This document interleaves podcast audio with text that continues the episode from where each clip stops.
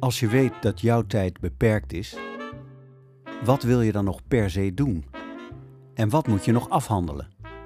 En hoe doe je dat eigenlijk, loslaten?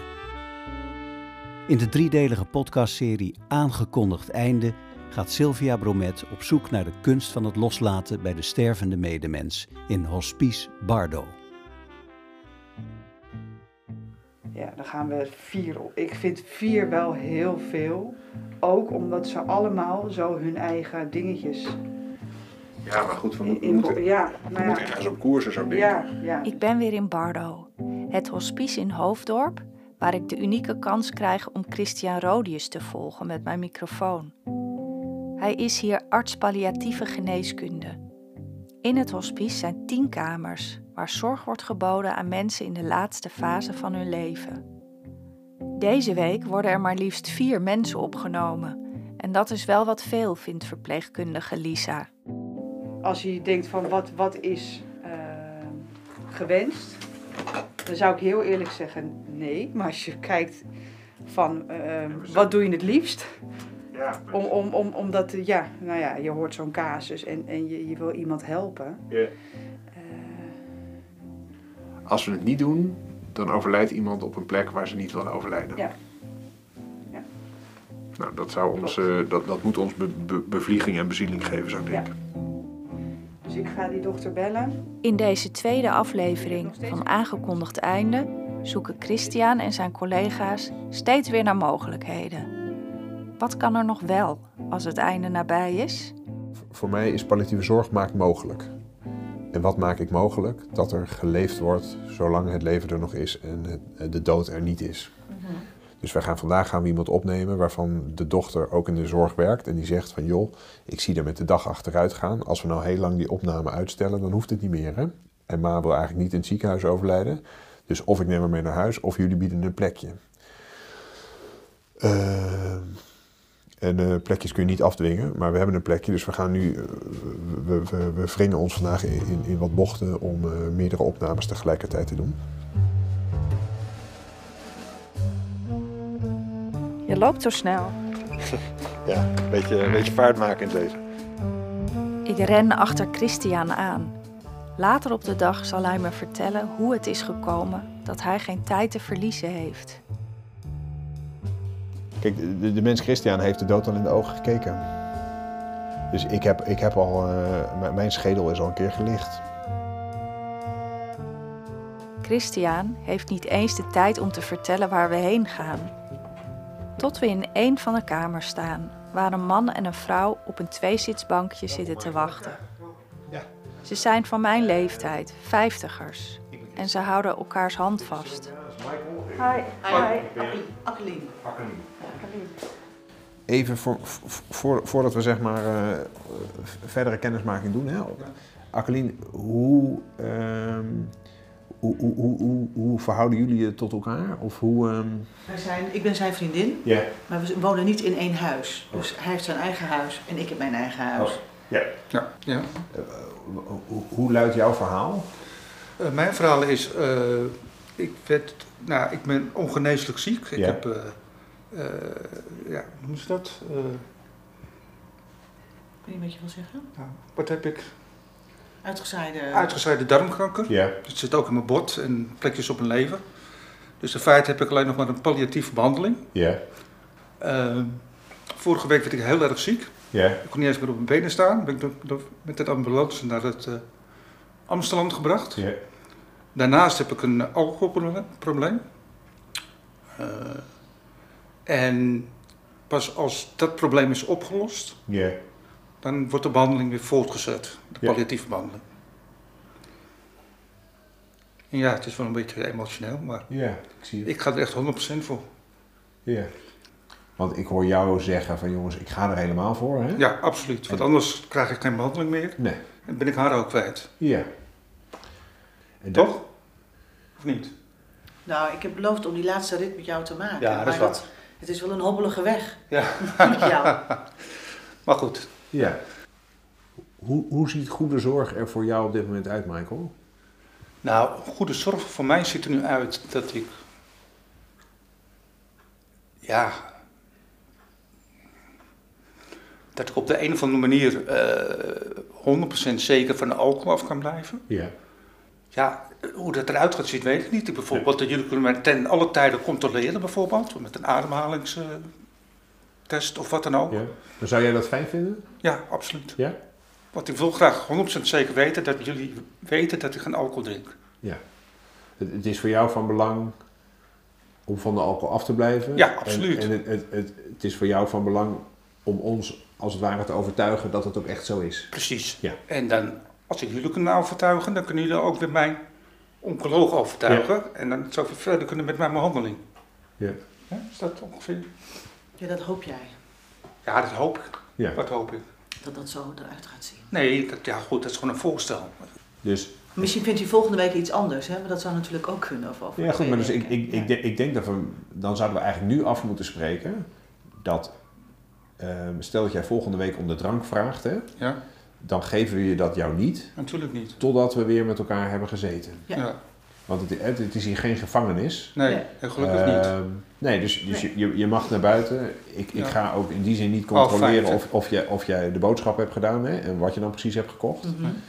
Ehm, Maar ja, jullie mogen me wel testen wanneer jullie willen, hè? Dat is dat eh, weet ik, maar ik bedoel, probleem. dus ik, ik, we hebben hier veel in huis, maar ik heb geen blaastest in huis Oh, om te kijken ja. van... Dus Ja, ik, ik heb ook wel in huis. Nee, kijk, ik, ik, ik kan de politie bellen om te kijken of ze, of ze, of ze een keertje langs willen komen om Ja. te blazen. Nou, goed, zodat jullie, jij, nee, maar snap je wat ik bedoel? Dus, ja, maar jullie hebben eh, snel genoeg in de gaten natuurlijk. ehm, ja, misschien nog niet. Nou ja, Eh, dat, dat, dat, dat weet ik niet, maar dat... eh, f- Piet me nou niet die kans aan, hè? Nee, nee, nee, maar, maar Nee, ik maak maar een grapje. Nee, ja, maar, dat snap wel, maar, maar, feitelijk maakt dat me eigenlijk ook niet zo gek veel uit. Nee. Ehm, ik wil goede zorg voor jou bieden. Ja. En als we op een gegeven moment tot de conclusie komen dat...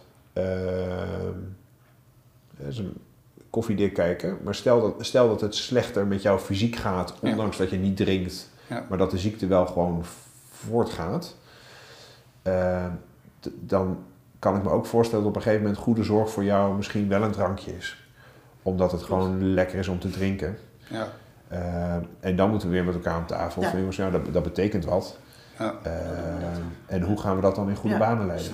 Nou ja, uiteindelijk waar ik wel naartoe wil, pas eigenlijk als deze hele behandeling afgelopen is, dat ik wel, als ik weer zeg maar later gewoon weer thuis ben, dat ik misschien wel één of twee glazen in de week kan drinken. Ik weet niet of dat verstandig is, Ja, maar dat is waar ik wel naartoe wil, gewoon normaal. Wat, wat jij zelf misschien ook wel doet, Christian, dat je af en toe een glaasje wijn neemt. ja, Als je uit eten gaat, ik Ja. noem maar wat, zoiets. ja, Maar dat is ook het maximale. ja. Maar totdat de behandeling inderdaad klaar is, wil ik geen druppel. Nee.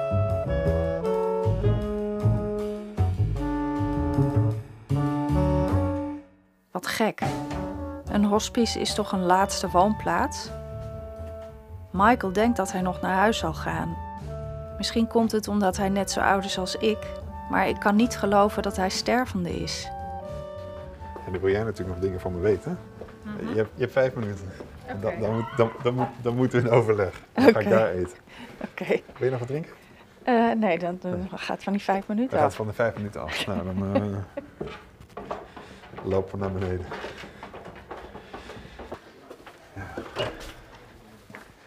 Dit is wel een beetje een atypisch geval, hè? Deze meneer denkt eigenlijk dat, dat hij hier nog wegkomt. Ja. Bestaan er typische gevallen? Nou ja, ik weet het niet. Wat, wat, wat zie jij? Ja, ik zie Michael, hoop ik. En dat is. eh, ja, laten we. Ik, ik loop, eh, we lopen Ja. hier door de, door de koffiekamer, maar. eh, eh, Stel nou dat Michael nog acht maanden te leven heeft. Kan hij dan gewoon hier blijven? Ehm, nou, dus dus dan, dan, praat, dan, dan praat je alsof je de alwetendheid bent, hè? Nee, nee. maar goed, nee, maar nee. even de Maar al- stel na, na vier maanden of na vijf maanden zit hij hier nog. Nee, maar dus hij, hij, hij, na drie maanden he- hebben wij met elkaar gesprek en kijken wij op grond waarvan wij vinden dat iemand eh, hier zou moeten blijven of niet zou moeten blijven. En de, de, de, het criterium daarvoor is dat we inschatten dat op het moment dat de eerste drie maanden voorbij zijn, dan maken wij weer een inschatting of iemand binnen drie maanden komt te overlijden. Hm. En als, iemand, als we dan zeggen van iemand komt binnen drie maanden te overlijden, zoals we dat nu ook de- dus blijkbaar zeggen, ehm, dan krijgt iemand verlenging. En ehm, als we na drie maanden zeggen van jongens, je had een aandoening, het gaat niet zo snel of het herstelt zich weer. Uh, dan moet je op zoek naar een andere, andere plek. Ja. Maar het is misschien heel gek hoor, maar ik kan gewoon niet geloven dat die over drie maanden dood is. Nee. Je moet op grond van wat je weet van scans en hoe iemand is. Want hij vertelt heel duidelijk van jongens, anderhalve week geleden was ik, kon ik niet lopen, zat ik in een rolstoel. Hè? Dus wij treffen hem nu op een goed moment. Ja. Uh, terwijl de ziekte niet stil zit. En voor, voor mij en voor veel mensen in het hospice is het zo liever dat iemand hier komt en dat ik achteraf blijkt dat we een verkeerde inschatting hebben gemaakt. Met andere woorden, dat iemand na drie maanden nog leeft. Dan dat ik tegen iemand zeg, ehm, ik, ik, neem je niet op en ik ontzeg je dit type zorg. Ehm, en omdat ik, vind dat jij, omdat ik denk dat jij langer dan drie maanden leeft en iemand is na twee weken dood. Of na een maand of na twee maanden. Dus, dus als mensen zich hier melden of doktoren zeggen... Dus dan, dan zullen wij met ze meedenken om te kijken of wij eh, de inschatting snappen, zou ik maar zeggen. Uh, en als we enigszins twijfelen, dan kunnen we daar weer met elkaar over hebben. Maar doorgaans zullen we opnemen, ja. Hm. Ja, ik, ik zag ze zitten hier op de gang en ik dacht dat ze bezoekers waren. Ja, van... dus dat, dat, kan, kan ik me voorstellen. Gewoon twee tamelijk jonge mensen. Ja. Die zorg hier in Bardo kan dus allerlei vormen aannemen. Het is veel meer dan alleen de medische verzorging, dat is me nu wel duidelijk. De patiënten verblijven in ruime kamers en die kamers liggen aan een lichte gang met uitzicht op de tuin. In Bardo is ook een gedeelte waar de patiënten niet komen, met kantoren en een zaal, waar regelmatig ontmoetingen zijn met mensen van buiten het hospice. Dat noemen ze het leerhuis. Het is een ontmoetingsplaats voor iedereen die het gesprek over leven en dood wil voeren. Vandaag ontvangen Christian en de directeur van Bardo, Simone, de plaatselijke Rotary Club.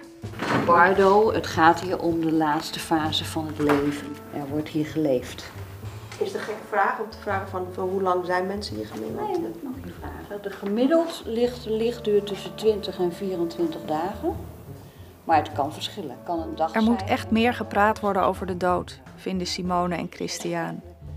En een van de manco's in ons zorg, zorgsysteem en de opleidingen is dat we, we, we, vertellen van alles, maar het universele van het sterven is doorgaans in de curricula niet te vinden.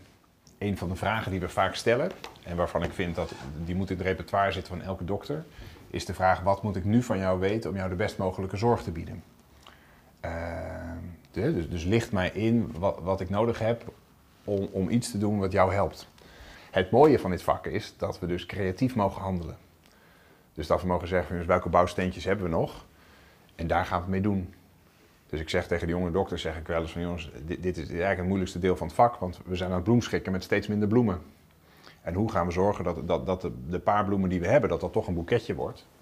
Uh, en wellicht kunnen we her en der nog een bloem, bloemen bij hebben, maar we weten ook dat een aantal uh, bloemen ons, ons weer gaan ontvallen. Maar we moeten steeds weer herschikken om te zeggen, jongens, dit is het boeketje wat we wel hebben. En dan komen de verhalen van de leden van de Rotary Club. Ik ben mijn man kwijt. En drie jaar geleden mijn schoonzus overleden aan ALS. Um, die we verzorgd hebben thuis. Nou ja, dan heb je een week had ik toen. Toen wist ik dus echt niet wat er de was. Ja, ik wist wat ik borstkanker had, dus alles ga je dan bekijken. En dan denk je, oké, dat kan dus zijn dat ik een jaar, twee jaar kan ik zijn als het licht, licht voor je ziet. Maar ook dat, dat je toch soms te vluchtig bent in je eigen, met je eigen leven bezig bent. Te weinig, hè? Als je nou het verhaal van Doris, denk ik meteen, wat heb ik daaraan gedaan? En wat raakt je nu? Oh, maar ik ben een emotioneel mens. Oh. Helemaal goed, maar dan. Ja, dat wel een beetje last van. Ja. mij valt op dat uh, het praten dus over de dood, of alle dingen met, die met de dood te maken hebben, dat dat ook heel prettig kan zijn. Het mag er zijn. Mm. En dat is dus uh, de, de roze olifant een hand geven. Ja. ja. Ik zou het niet erg vinden om in een hospice uh, te eindigen. Nee, serieus. Nee, nee.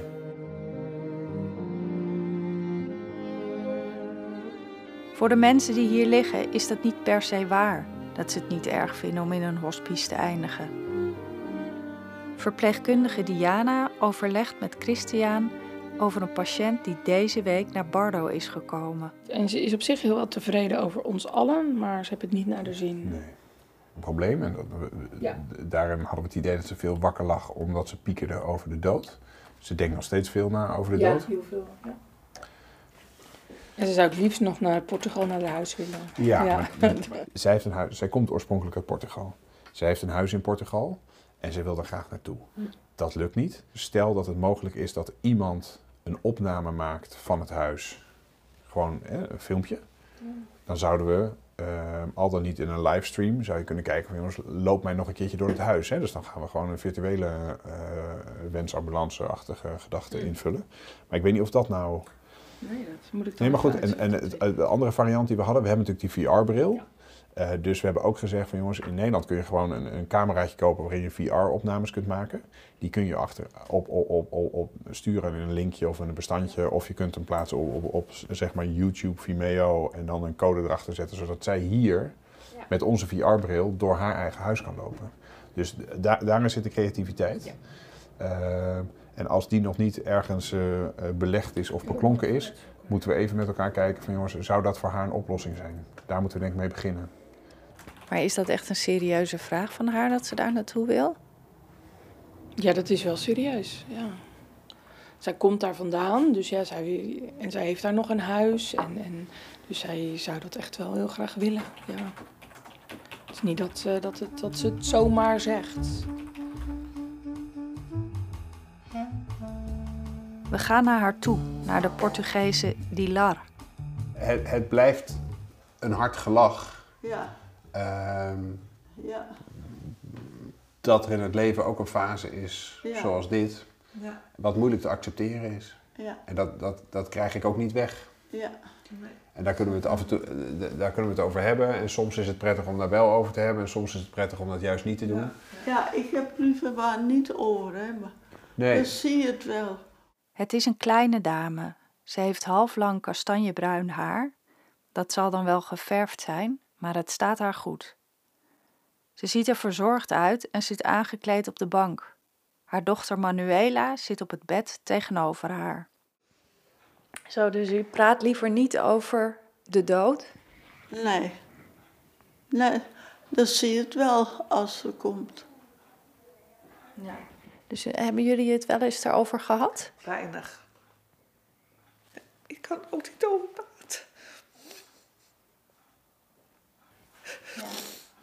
Laten we dan even over het leven praten, over Portugal. Ja.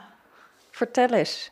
Nou ja, eh, Portugal is een le- lekker land.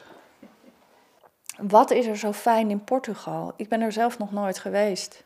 Nou, de, de warm. De warm, de, de eten. De vis. De wijn. Nou, alles. De, de buitenleven. Dat, eh, ja, buiten zijn. Geen jas aan, geen, eh, geen regenjas aan. Ja, het... eh, Dus u mist de warmte eigenlijk. En wat zou jij willen als het einde van je leven is aangekondigd? Allora, panna cotta con la salsa lampone, crumble, crumble di mele lamponi. Je hoort hier de serveerster van mijn favoriete restaurant in Italië, Antico Agnello. Ze leest de toetjes voor. Sorbetto alla menta, panna cotta. ehm, Daar zitten met mijn gezin, familie en vrienden en die toetjes doorschuiven aan elkaar. Dat is mijn ultieme beeld van geluk. En daarna de gezelligheid als het regent en we zitten in ons kleine caravannetje. De feestjes op de camping. Ik zou er waarschijnlijk intens naar verlangen als ik weet dat het nooit meer gaat gebeuren. Michael had ook nog zoveel plannen en vertelt me hierover. Maar eerst wordt hij door een verpleegkundige op de hoogte gebracht van wat praktische zaken hier in Bardo. Dus ik ga zo meteen de vrijwilligste vragen of ze wil vragen wat je wil eten. Eh, en dan kan je aan haar doorgeven wat je wilt en dan gaat zij het maken voor jou. Dries? Ja. En dan moet ik dan iemand Ja, bellen dus of zo? Midden in de nacht is dan, dan net even Wat is iets, het? hè? Waarom denk je dat je iemand moet bellen? Nou ja, misschien moet om, om de bestelling op te Nou ja, als je nemen. denkt, hè, ik heb eh, in de nacht zin in een kopje koffie of iets. Gewoon bellen. Toen Michael ongeveer een jaar geleden hoorde dat hij darmkanker had, dacht hij eerst nog dat het allemaal wel zou meevallen. Want ik dacht, nou, in mijn darm, mijn vader heeft het ook gehad. Ze knip, knip, knip en poep, hij was er vanaf. Dat is bij André van Duin trouwens, heeft ook darmkanker. Maar het bleek al uitgezaaid te zijn en er was alleen nog een levensverlengende behandeling mogelijk. Ja, meteen eh, iets geregeld voor de hond, dat de hond weg kon. Eh, ja, en dan, dan gaat het verder. Ik heb eh, een hele goede vriend van mij, zijn vriendin. Die is in de, toevallig in de uitvaartindustrie begonnen. Dus ik heb mijn eigen uitvaart met haar geregeld. Dat ging je meteen regelen? Ja. Want ik heb gevraagd aan de oncoloog wat het, zeg maar, de tijdspanne zou kunnen zijn tussen het, het, het, het heden en het overlijden. Wat, wat, hè, schrijf je meestal wel een indicatie. Maar die durfden ze niet te geven. Dus ja, dan weet je helemaal niets. Dus ook dat vind ik eh, heel vervelend. Kijk, zeggen ze van je hebt nog eh, twee of drie jaar en dan kan je over dingen ondernemen. Dat je denkt van nou, ga dat nog doen of ga dat nog doen. Ja, nu is het iedere keer als ik me echt heel rot voel, dan denk ik dat ik dood ga. Dat is echt verschrikkelijk. En wat heb je nog allemaal voor plannen? Ja, ik had heel veel plannen. Ik wilde heel graag eh, emigreren naar Griekenland. Ik heb eh 25 jaar in de financiële wereld gewerkt. Wat zeg ik? 30 jaar. Eh, ik heb altijd voor softwarebedrijven gewerkt als eh, accountant. Of als, als financieel controller. Altijd een beetje de financiële kant van de... Binnen de onderneming dan. Heel veel gereisd. En ik was een beetje klaar met dat hele corporate gedoe. Dus ik wilde gewoon lekker op een slippertjes met mijn hond gewoon lekker een eh bed and breakfast beginnen in Griekenland. En ik, ja, ik ken al die programma's dat het altijd mislukt. En, eh, maar goed, ik ben zelf ook in Griekenland geweest. Ik heb zelf Grieken gesproken en ik weet ongeveer wel hoe het werkt. Nou, dat was een van mijn dromen. Nou goed, het hele Griekenland verhaal natuurlijk, ja, dat is op hold gezet. Nou, veel plezier aan mijn hond heb ik ook niet. Dus ik dacht van ja, ik wil nog even het eh, leven genieten. Ik heb meteen een dikke vette cabrio gekocht. Maar ja, nu mag ik, niet uit, ik mag nu niet uitrijden vanwege die medicatie. En wat is het voor cabrio? BMW. Hele grote, dikke. En waar staat hij nu? Dat staat bij mij eh, thuis voor de deur. Niets te doen. En denk je dat je er nog in gaat rijden? Zeker wel. Zeker wel. Ja. Dan hoop ik nog een zomertje mee te kunnen pakken in de lente. Zou mooi zijn.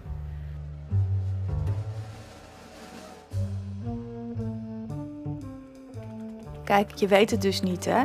Wanneer het afgelopen is met het leven. Wat we wel weten is dat onze tijd beperkt is en we keuzes moeten maken hoe deze te besteden. Christian en zijn vrouw Hanneke hebben vier kinderen. Hij heeft het dus niet alleen druk op zijn werk hier in Bardo, maar ook thuis bij zijn gezin. En soms lopen die werelden door elkaar. Ik heb, ik heb een kind thuis wat eh, ziek genoeg is om thuis te blijven. Maar die, die blijft nu alleen thuis en die stuurt elke uur stuurt hij een appje. Een update. Een update dat het goed Heb je daarom gevraagd? Nou ja, hij is elf, dus ik vind het helemaal alleen thuis als je je niet lekker voelt. Nee, ik, ik zag ook niet in hoe we het anders konden regelen vandaag, dus dan eh, doen we het maar zo. En wat schrijft hij? Eh, dat hij zich gelukkig weer wat beter voelt. En dat hij eh, vanaf dit moment stuur ik elk uur een update over hoe het gaat. Nou, Goed zo. goed, ik ga nog even thee halen voor eh, Diana. Ja, ik drink thee zonder eh, theezakje. Oh, ja, thee, hartstikke goed. Daar hebben we geen tijd voor. Wat gaan we nu doen? Het- De, de, de mailbox stroomt weer. En daar moet ik nog eigenlijk, eigenlijk reageren op een aantal dingen. En ik heb hier iets wat ik niet helemaal begrijp. Christian doet hier veel verschillende dingen op een dag en vertelt me over de keuzes die hij in zijn vrije tijd maakt. Hij kijkt bijvoorbeeld geen tv, dat vindt hij zonde van zijn tijd.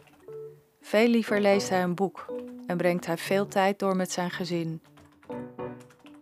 En dan vertelt hij mij iets heel heftigs. Toen ik 33 was, toen eh, eh, heb ik een epileptische aanval gehad. Eh, Hanneke lag naast mij en die werd dus wakker van een stuipende Christian. Toen ben ik naar de eerste hulp gebracht. uit het, eh, uit het huis getakeld door de ambu en eh, de, de brandweer. En toen bleek een tumor te hebben. En toen zijn we op de eerste hulp beland, daar door de, de riedel gegaan. En daar, daar was een afwijking te zien in mijn hoofd. Rechts, achter, achter mijn schedel, zeg maar, achter mijn voorhoofd. Iedereen dacht van, dit, dit kan heel goed. Dus, dus het is een hersentumor, want het zit bij je hersenen binnen je schedel. Eh, dat, dat kan iets goedaardigs zijn, maar je hebt ook eh, behoorlijk vervelende, kwaadaardige varianten. Ehm, en een aantal dingen pasten niet bij het goedaardige karakter. Dus toen ben ik nog bij de oncoloog geweest en heb ik eh, ook nog meer onderzoek gehad. Want eh, een van de gedachten waar ze aan dachten is dat er ergens in, anders in mijn lichaam eh, een kanker zat, die zich uitgezaaid had, had naar mijn hoofd. Eh, nou, dat was wel even een hele spannende gedachte, want als dat het geval is, weet je eigenlijk dat die tumor al overal zit of overal kan zitten. Dan, En hoe lang heeft het tijd geduurd tussen ehm, eh, dat je wist dat je een hersentumor had en dat je wist dat het goedaardig was? Hoe lang zat daartussen? ja, ik denk een week of zes, zoiets. Dus je hebt zes weken geleefd met de gedachte dat, eh, dat je misschien wel dood ging. Ehm, ja. Dus ik, ik, ben, ik weet nog dat ik, o- maar- waar mijn grootste angst zat. Dus ik word op een gegeven moment geopereerd. Hè, dus ik weet dat die operatie eraan gaat komen. En mijn grootste angst is dat ik er niet helder uitkom. Dat was mijn grote zorg. Dat ik niet meer in staat zou zijn om me uit te kunnen drukken. Ehm, en ik, ik heb een tijd in het verpleeghuis gewerkt, voordat ik hier kwam werken. In het verpleeghuis was er een hoogopgeleide man die in het leger zat. Die was een hersentumor gehad, of, die, of een herseninfarct, of in ieder geval. Maar in ieder geval hij was aangedaan hier. En het enige wat die man kon zeggen was eh, cijfers. Dus zijn spraak was aangedaan. Hij zei 35, 23, 25. Nou, eh, zo, eh, er zat heel veel lading op. Dus dat, dat, wat- daar zat wel angst. Maar niet zozeer angst dat ik het niet ging halen. Oh, dus, dus nog een pikant detail, dat hebben we nog niet benoemd. Maar, eh, dus mijn, mijn, mijn, mijn, mijn eh, eh, epileptische insult uit mijn hoofd gezegd is ergens 8 maart. Wij hadden eind februari hadden wij op de zwangerschapstest een blauw streepje zien staan. Dus wij zaten eigenlijk in een hele andere modus. We waren bezig met van jongens, oh, waar, moet dan, eh, waar, waar moet op een gegeven moment de kinderkamer en wa- wanneer gaan we het vertellen en hoe gaan we dingen doen. Was dat eh, jullie eerste Ja. kind? Vincent. Eh, die nu thuis zit. Maar Vincent eh, ehm, heet Vincent omdat Vincent, vinkeren, is overwinnen. Dus het feit dat ik er was bij zijn eh, geboorte en dat ik nu hem op kan zien groeien, is een overwinning.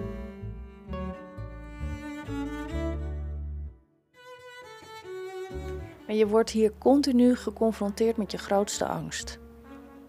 Eh, we gaan straks gaan we ook langs iemand, hè, dus die heeft een hersentumor. Eh, op, op, het, op het best van zijn kunnen kan hij naar ons lachen en kan hij misschien een paar woordjes brabbelen. Maar inmiddels is dat echt heel beperkt. Als ik daar aan bed sta en ik moet steeds aan mijn eigen verhaal denken en dingen, dan val ik helemaal stil. Dan kan kan komt er geen zinnig woord uit. Op het moment dat ik weet dat dat gaat gebeuren, en ik weet van jongens, ja, zo had ik er ook bij kunnen liggen. En ik heb daar al over nagedacht. Kan ik nu in, in, in rust kan ik op die kamer zijn en denken van jongens, ik ben nu gewoon Christian en wat er gebeurt, gaat er gebeuren. Ehm, Christian is er nog. Dus dit is niet mijn angstbeeld op dit moment. En dus stelt dat me in staat om die ander nabij te zijn. En doe je dat elke keer voordat je een kamer binnenkomt op een of andere manier? Ehm, nou, niet altijd. Maar bij hersentumor doorgaans wel. Omdat dat voor mij is. Hè? Dus, dus we hebben hier ook echt jonge mensen en denken van, joh, shit. eh, dit had ik ook kunnen zijn. En het, eh, ik, ik denk dus door daarbij stil te staan, kan ik vrijmoediger aan bed staan.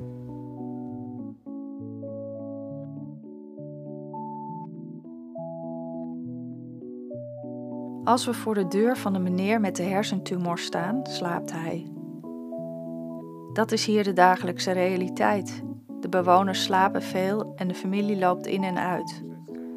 Ondertussen wordt er veel overlegd door iedereen die hier werkt, om ervoor te zorgen dat het hier op rolletjes loopt. Over allerhande lichamelijke klachten, medicijngebruik, over welke wensen er nog zijn. De Portugese Dilar van Kamer 8 komt weer ter sprake. En daarbij speelt ook nog, en dat is misschien toch wel even goed om nog te noemen hier, is dat ze eigenlijk, zij komt oorspronkelijk uit Portugal, heeft de wens om ook nog naar Portugal te gaan, snapt dat die eh, mogelijkheid er niet meer is. En wat ik wel meerdere keren in de visite heb besproken, maar waarvan ik dus niet weet waar dat plan gestrand is en of we dat ooit met haar, haar hebben besproken, is de gedachte dat we nog iets van een opname kunnen maken van film van haar huis. Zodat ze hier nog bij wijze van spreken nog iets kan zien van haar huis in Portugal. En wat is een, uh, die zegt ze kan niet meer naar Portugal naar huis. Valt er echt helemaal niks te regelen daarover? Nou, zover. Ja. Ambulance wenstechnisch? Nou, dat weet ik ook niet. Nee, dat zou Ik zie je wel eens gekke dingen voorbij komen. Ja, maar, Ambulancewens, die is- heeft volgens mij zelfs connecties daar. maar a- achter, achter waar haar naar nu toe in staat? Met de juiste zorg wel, Ik denk met de ik. juiste zorg op dit moment nog wel. Dan moeten we er natuurlijk niet te lang mee wachten. Ik heb nog even met haar dus de USD ingevuld. Ja. En daar kwam dit verhaal natuurlijk weer naar boven met Ja. wel heel erg veel verdriet. Ja. En dus eh, dat ze er toch heel graag heen zou willen en eh, dat het niet meer kan, zegt ze dan natuurlijk. Als, als, kijk, dus we kunnen, als iemand even kan bellen met de ambulancewens en zeggen, of Stichting Wensambulance, zo van jongens, zit, zit daar mogelijkheid? Eh, dan dan is, dat, is dat mooi. We lopen naar een kantoortje in de hoek van de gang. Hier ontmoeten we Ben, Berna en Nico, de volwassen kinderen van de 93-jarige Corrie die in kamer 4 woont. Voor mij de concrete reden om even bij elkaar te zitten is omdat toen ik gisteren bij Corrie was, dat ze eigenlijk zelf zei van joh, ik, eh, de dagen worden voor me al heel lang en hij- ze worden ook wel vervelend voor me. Ehm, en die had ik eigenlijk niet eerder van haar gehoord, in ieder geval op zo'n concrete manier. Nou ja, weet je, je verstand zegt dat het goed is als het snel voorbij is. Ja. Dat is voor mijn moeder het beste. Eh, Maar het is moeilijk, Ja. omdat ze geestelijk nog zo sterk is. Dus s- Ja. ze heeft nog heel lang heel veel kwaliteit van leven ervaren, terwijl haar lichaam al lang op is. Weet je wel, als, als je nu zegt we gaan ramen lappen, zouden ze dat doen bij wijze van, Weet je wel? Ja, serieus. Ja. Dus dat is iets dat zit in je aard, vermoed Ja. ik, of in het mens zijn, weet ik veel wat. En eh, om, om, om daar dan in te berusten van, nou, dat, het is nu dus echt klaar. Ja. Dat is moeilijk. Ja. En mijn ervaring in dit vak is dat mensen eh, een hele fase hebben dat ze naar het leven toegekeerd zijn, maar dat er ook een fase komt waarin ze al dan niet gedwongen door fysieke ongemakken merken dat ze meer naar, naar de dood toe draaien. En volgens mij zitten we in dat proces. Als we met z'n allen haar kamer inlopen, zit ze kaarsrecht in bed. Corrie. Ze heeft iets doorschijnends met haar slanke lichaam en witte huid. Zit Sylvia even hier naast je, mag dat? Toen wij elkaar gisteren spraken, toen zei je eigenlijk van nou, ik voel me, hè, het, het verveelt me eigenlijk, de dagen. Ja. Ja. ja.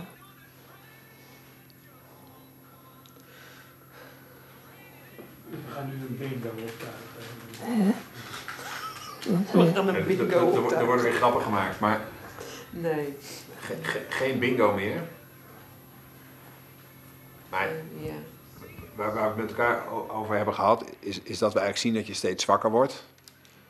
En dat hoewel je, je koppie en je geest nog dolgraag verder zou willen, dat het lichaam eigenlijk steeds meer aangeeft dat de rek eruit is. En dat daarmee ook het overlijden gewoon weer dichterbij komt. Ehm, en, en hoe de dagen er ook uit gaan zien, we zullen goed voor je zorgen en blijven zorgen. Maar we zullen ook de medicatie wat aanpassen om ehm, jou daarin zo goed mogelijk te ondersteunen. En dat betekent ook dat de dexamethason, het middel wat je eerder kreeg, dat hadden we al een beetje afgebouwd. Maar dat zullen we ook een beetje verder afbouwen. Zodat we ook hopen dat je minder de onrust hebt en dat piekeren in je hoofd. Ja. Ik snap het. Je snapt het, ja. En ik zie ook weer iets van, iets van de lach van Corrie. ja. We hebben veel gelachen. Hè? We hebben veel gelachen, hè? Heel veel gelachen. Gelukkig. Ja.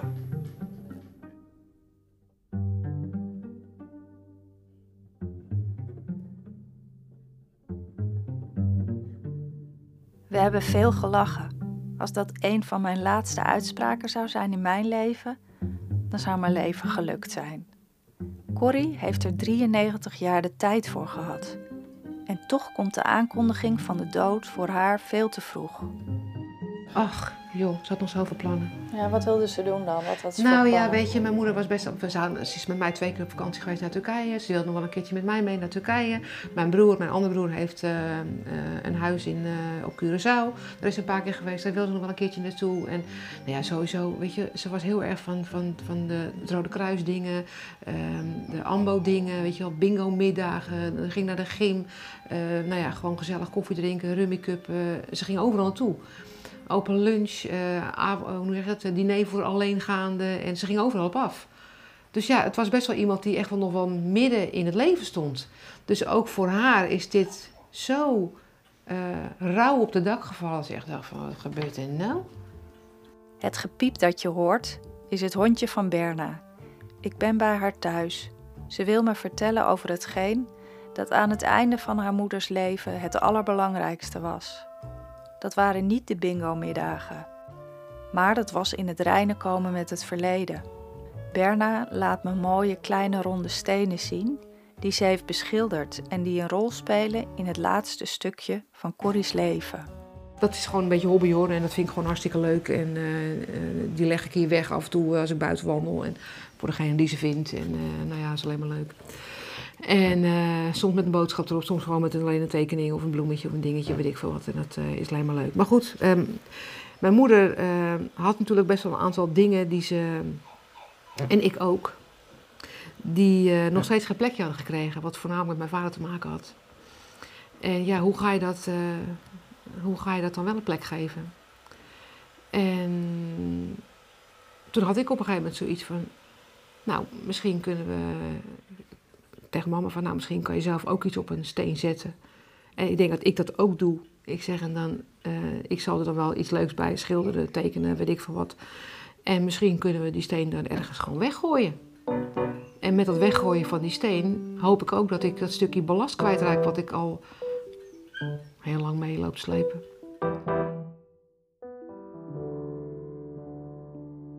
Mijn ouders hebben een eh, vrij turbulente toestand eh, gehad in hun leven.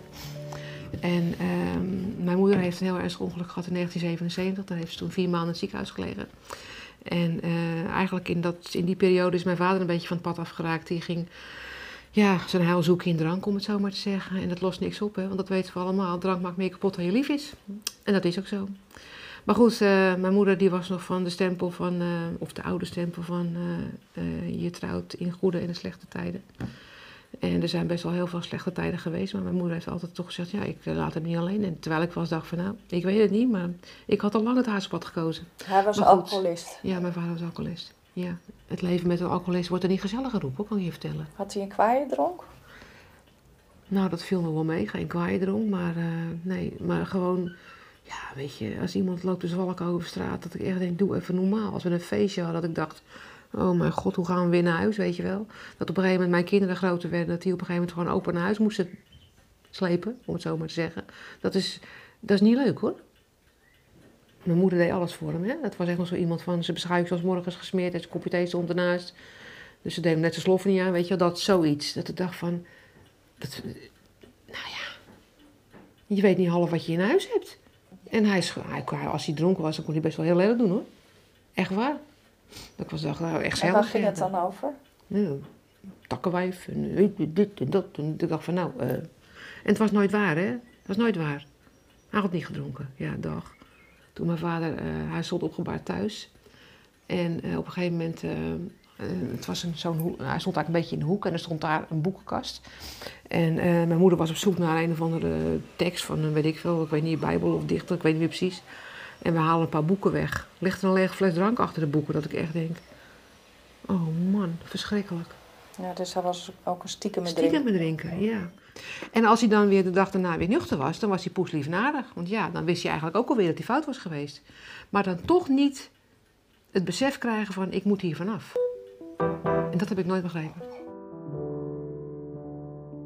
In het hospice ligt de beschilderde steen op het nachtkastje van Corrie. Weet je nog de steen? Want er- ergens ligt er nog een steen, eh, steen, steen op, je, op je tafel. Ja. Wil je dat ik het voorlees? Ja. Pap, het is goed zo.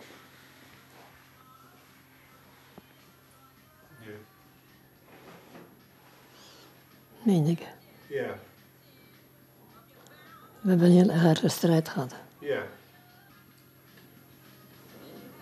En met deze steen kun je het ook afronden. Hè? Ja. En dan moet ze bijna ook weggedaan worden. Ja. Kijk, het zilver, zo, je zee of een strand. Of. Maakt me niet uit. Ze is moeilijk te verstaan, maar ze zegt: Die moet door Berna weggedaan worden. In de zee of op het strand, het maakt me niet uit. Berna was 15 jaar toen haar moeder door een ernstig ongeluk vier maanden in het ziekenhuis lag. Dus ze kwam terug en toen was er, de geliefde was aan de drank geraakt. Ehm, en aan het einde van haar leven zet ze op een steen: Het is goed zo. Dat is mijn moeder. Ze heeft het dus blijven kunnen vergeven. En waarom was het belangrijk voor jullie dat ze dat op die steen schreef? Het was, niet, het was meer voor haar belangrijk. Dat ze inderdaad ook. En ze, ik denk ook wel dat ze het ook wel voor een deel voor ons heeft gedaan. Dat geloof ik ook wel. En zeker voor mij. Omdat ze wist dat ik er gewoon heel veel problemen mee heb gehad. En ehm, ja, weet je, het, het was ook denk ik een stukje. ehm, het laatste stukje verwerken. Van ja, weet je, misschien kom ik hem wel weer tegen straks. Weet ik veel. En denk je dat ze hoopte je vader weer tegen te komen? Weet je dat ik dat niet weet? Ik durf het ook gewoon. Ik, ik weet, want ondanks alles hield ze wel van die man. Dat ik dacht van, hoe dan? Hoe kan dat? Ja. En wat heb jij op die steen gezet? Wat heb ik er? Vergeven, maar niet vergeten.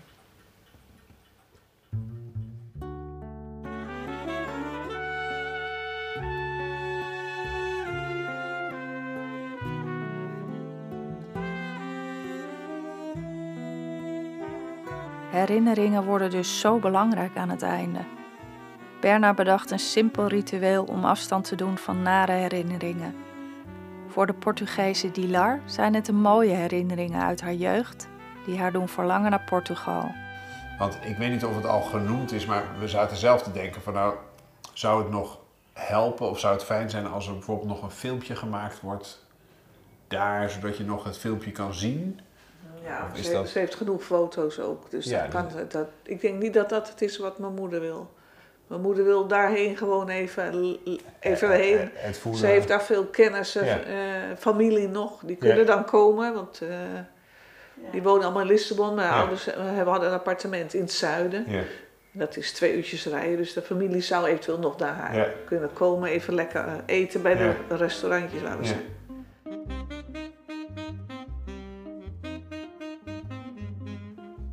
En is er nog eh, gebeld voor die wensenambulance voor Ja. Portugal? Dus er is gebeld met de wensambulance. Er kan gereden worden naar Portugal. Maar dat betekent twee dagen heen, twee dagen terug en twee, drie dagen daar.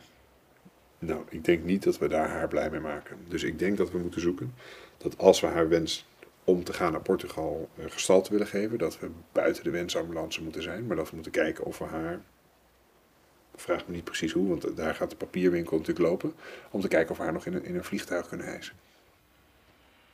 Maar die mensen van de wensambulance die wilden helemaal naar Portugal gaan rijden. Ja, maar dat, dat, dat zijn eh, stoere gasten. De wensambulance, vaarwens, ambulancewens, wat hebben we? Je, je, je hebt verschillende stichtingen. Wensambulance, stichting ambulancewens, vaarwens. En zullen ongetwijfeld Last Wish, eh, dat soort dingen.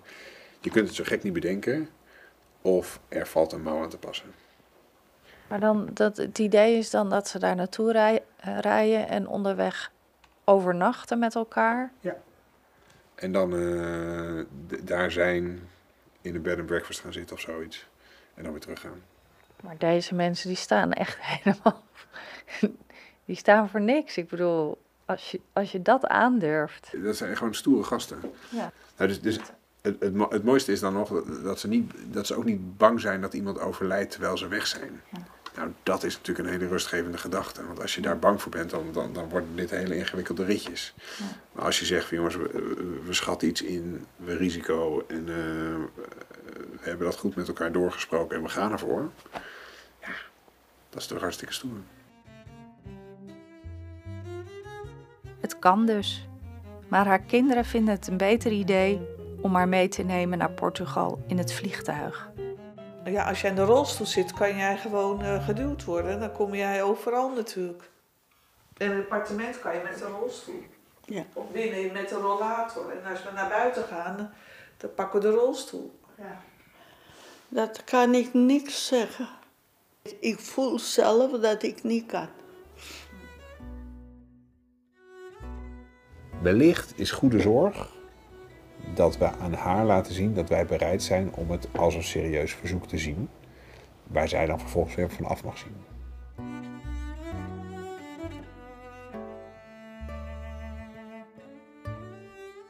Michael woont nu een paar dagen in Bordeaux. Hij drinkt niet meer en het gaat redelijk goed met hem. Door de grote hoeveelheid verschillende medicijnen die hij slikt, is het onverantwoord als hij er met zijn nieuwe BMW Cabrio op uit zal gaan. Dat wat hij natuurlijk het allerliefste wil op deze zonnige dag. Maar in Bordeaux is ook van alles te doen. Kunnen we op die manier kunnen we wel als het ware momenten in de week inbouwen waarin jij, ik zou maar zeggen, iets te doen hebt. Ja. Uh, dus je mag natuurlijk jezelf uh, vermaken, zou ik maar zeggen, buitenshuis Ja. of uh, dingen doen. Maar, maar er zijn ook, we hebben een kunstenaar die langskomt om te schilderen met mensen. Oké. ook, ook dat soort dingen. Maak je voor mij een kunstwerk? Hoe leuk is dat? En op een dag is daar Pijk, kunstenaar en vandaag hier in Bordeaux om bloemen te schilderen met Michael. Laat me komen. Leuk, gezellig. Het gaat sowieso niet om hoe mooi of hoe slecht je kan tekenen en hoe creatief je bent. Maar geniet van het moment. Laat alles even los. Als je wat los wil laten, maak je het je ook niet moeilijk. Die bloem lukt altijd. Het hoeft ook geen tulp of een roos te worden. Het is eigenlijk gewoon dat wat er in je naar boven borrelt, zet je op papier. En dat wordt hem.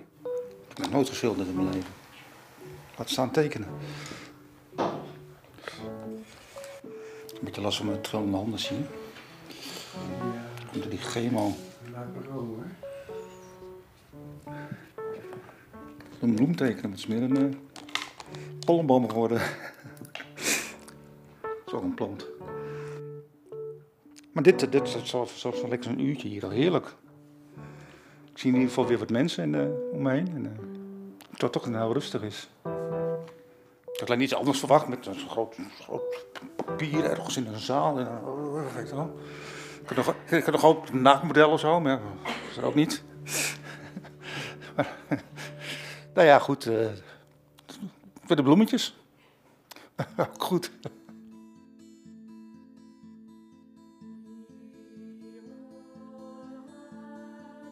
Michael kan er wel om lachen. Als het erop aankomt, dan zullen we toch allemaal onze grote dromen moeten bijstellen en kijken naar wat er nog over is om naar te verlangen.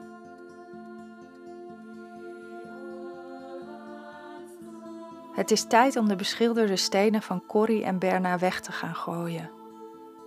Aan het bed van Corrie zitten haar kinderen en Christian. De stemming is beladen. Iedereen in deze ruimte weet dat de laatste dagen van Corrie geteld zijn. En eigenlijk, eigenlijk is dit proces wat jij nu doorloopt en de steen is ook een symbool voor het goed af kunnen ronden, zodat de kinderen weer verder kunnen.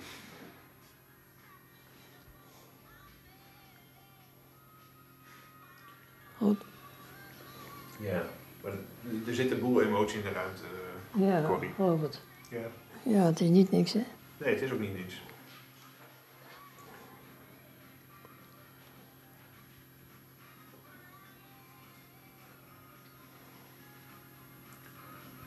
Er is heel veel liefde.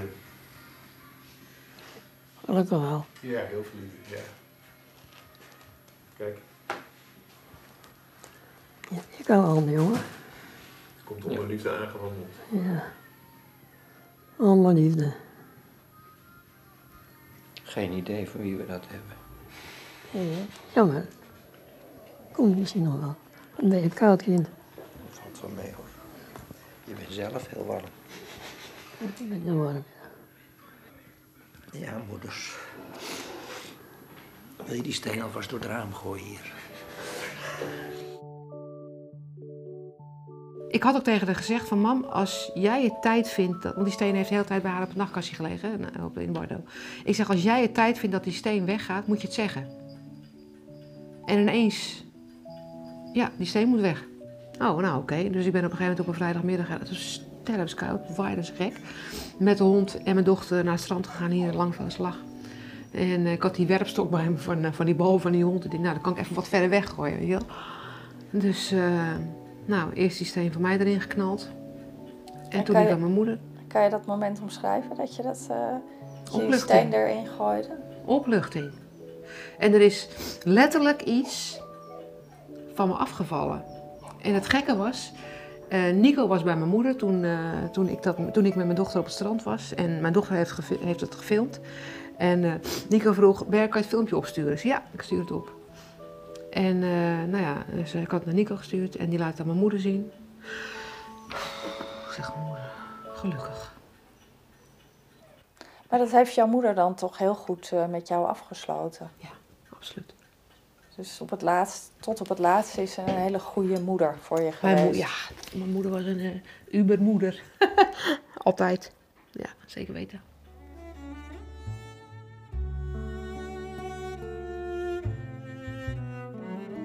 Dilar, de Portugese moeder uit kamer 8, heeft besloten niet meer naar Portugal te gaan.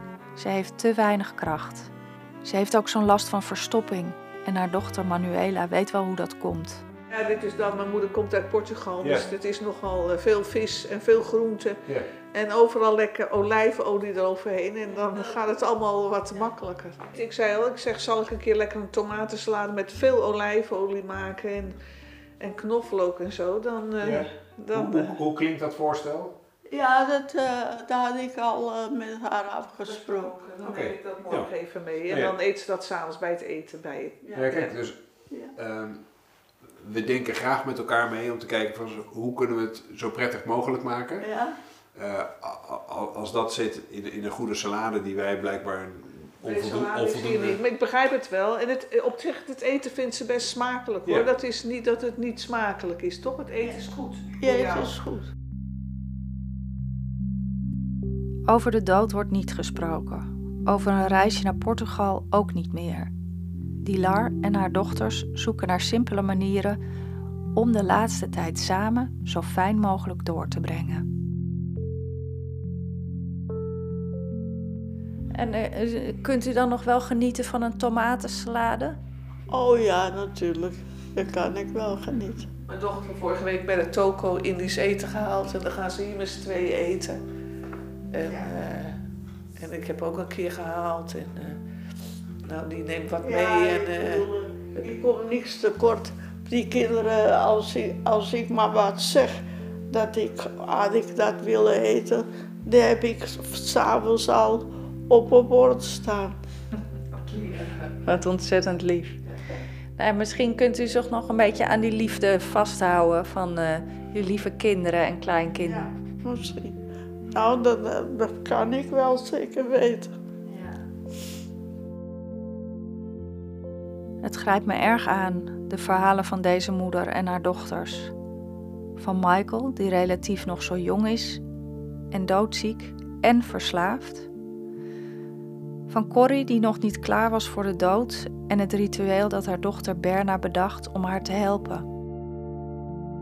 Hier in het hospice voel ik me springlevend en heel gek, zelfs een beetje schuldig dat ik zo weer naar buiten loop.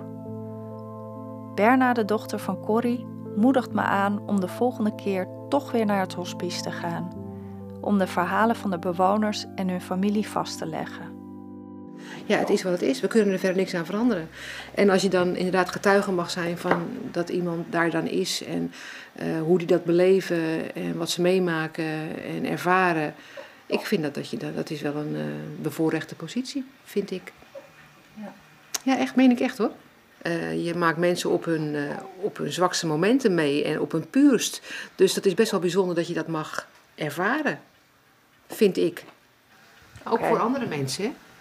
De ervaringen die jij dus daarop doet eh, en die je daar dus vastlegt en wat je weer kan laten horen aan andere mensen. Dat je, weet je, tuurlijk, het is niet leuk, daar wil je niet zijn, maar het is wel heel bijzonder dat het er is.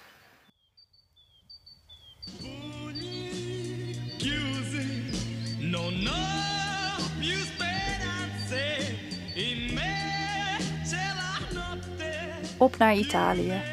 Een paar keer per jaar het liefst. lekkere toetjes bestellen. En als de vakantie weer ten einde is, meteen nieuwe plannen maken. Zolang er plannen zijn, is er leven en houden we de dood nog even op afstand.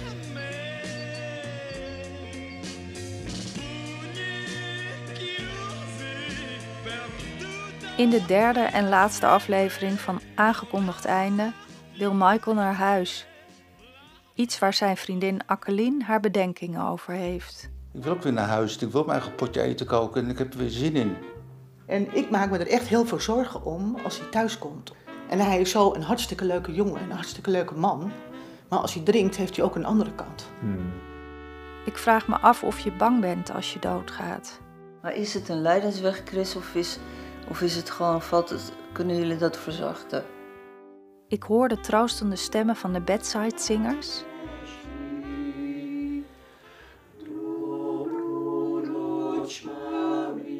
En Christiaans leven neemt een hele andere wending.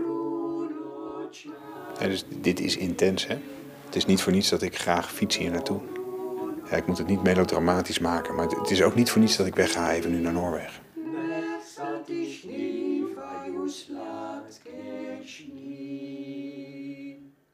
Deze podcast maakte ik, Sylvia Bromet, in opdracht van Stichting Vrienden van Hospice Bardo. De serie is mede mogelijk gemaakt door bijdragen van onder andere Pleindoneren, Moondogs en Stimuleringsfonds Rauw. Met speciale dank aan alle geïnterviewden en hun familie.